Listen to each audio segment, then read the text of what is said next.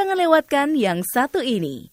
Acara belajar bahasa Inggris All About Idioms dari VOA Washington bersama Irna Sinulinga. Halo dan apa kabar semua sobat VOA? Di sini saya bersama Jonathan Evans. Welcome, friends, to All About Idioms. Acara ini khusus membahas idiom bahasa Inggris yang umum dalam tulisan dan percakapan orang Amerika sehari-hari. Idiom adalah sekumpulan kata yang punya arti tersendiri, jadi tidak bisa diterjemahkan secara harfiah.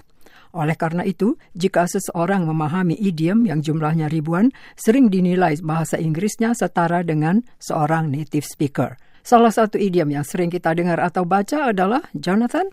Work out, Irna. Sekali lagi. Work out. Ada dua artinya. Pertama, menyelesaikan sesuatu dalam cara yang memuaskan atau berhasil. Work ejaannya W-O-R-K artinya kerja dan out ejaannya O-U-T artinya keluar. Sekarang kita simak contohnya.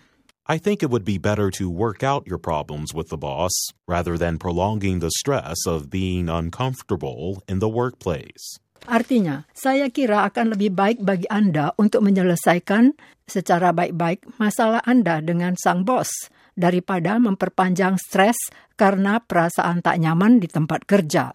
Workout juga bisa berarti melakukan aktivitas fisik seperti jogging atau berjalan kaki di treadmill angkat besi, zumba, yoga, dan sebagainya di fitness center atau bisa di rumah sendiri. Seperti dalam contoh berikut. To keep my weight down, I work out in the gym for an hour five times a week. I usually do Zumba for an hour and end it working with equipment to tone my muscles.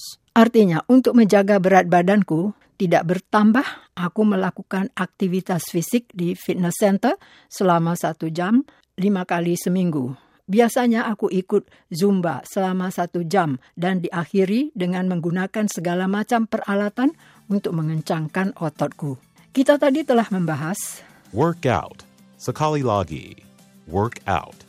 Hanya sekian untuk hari ini. So long, and thanks for listening.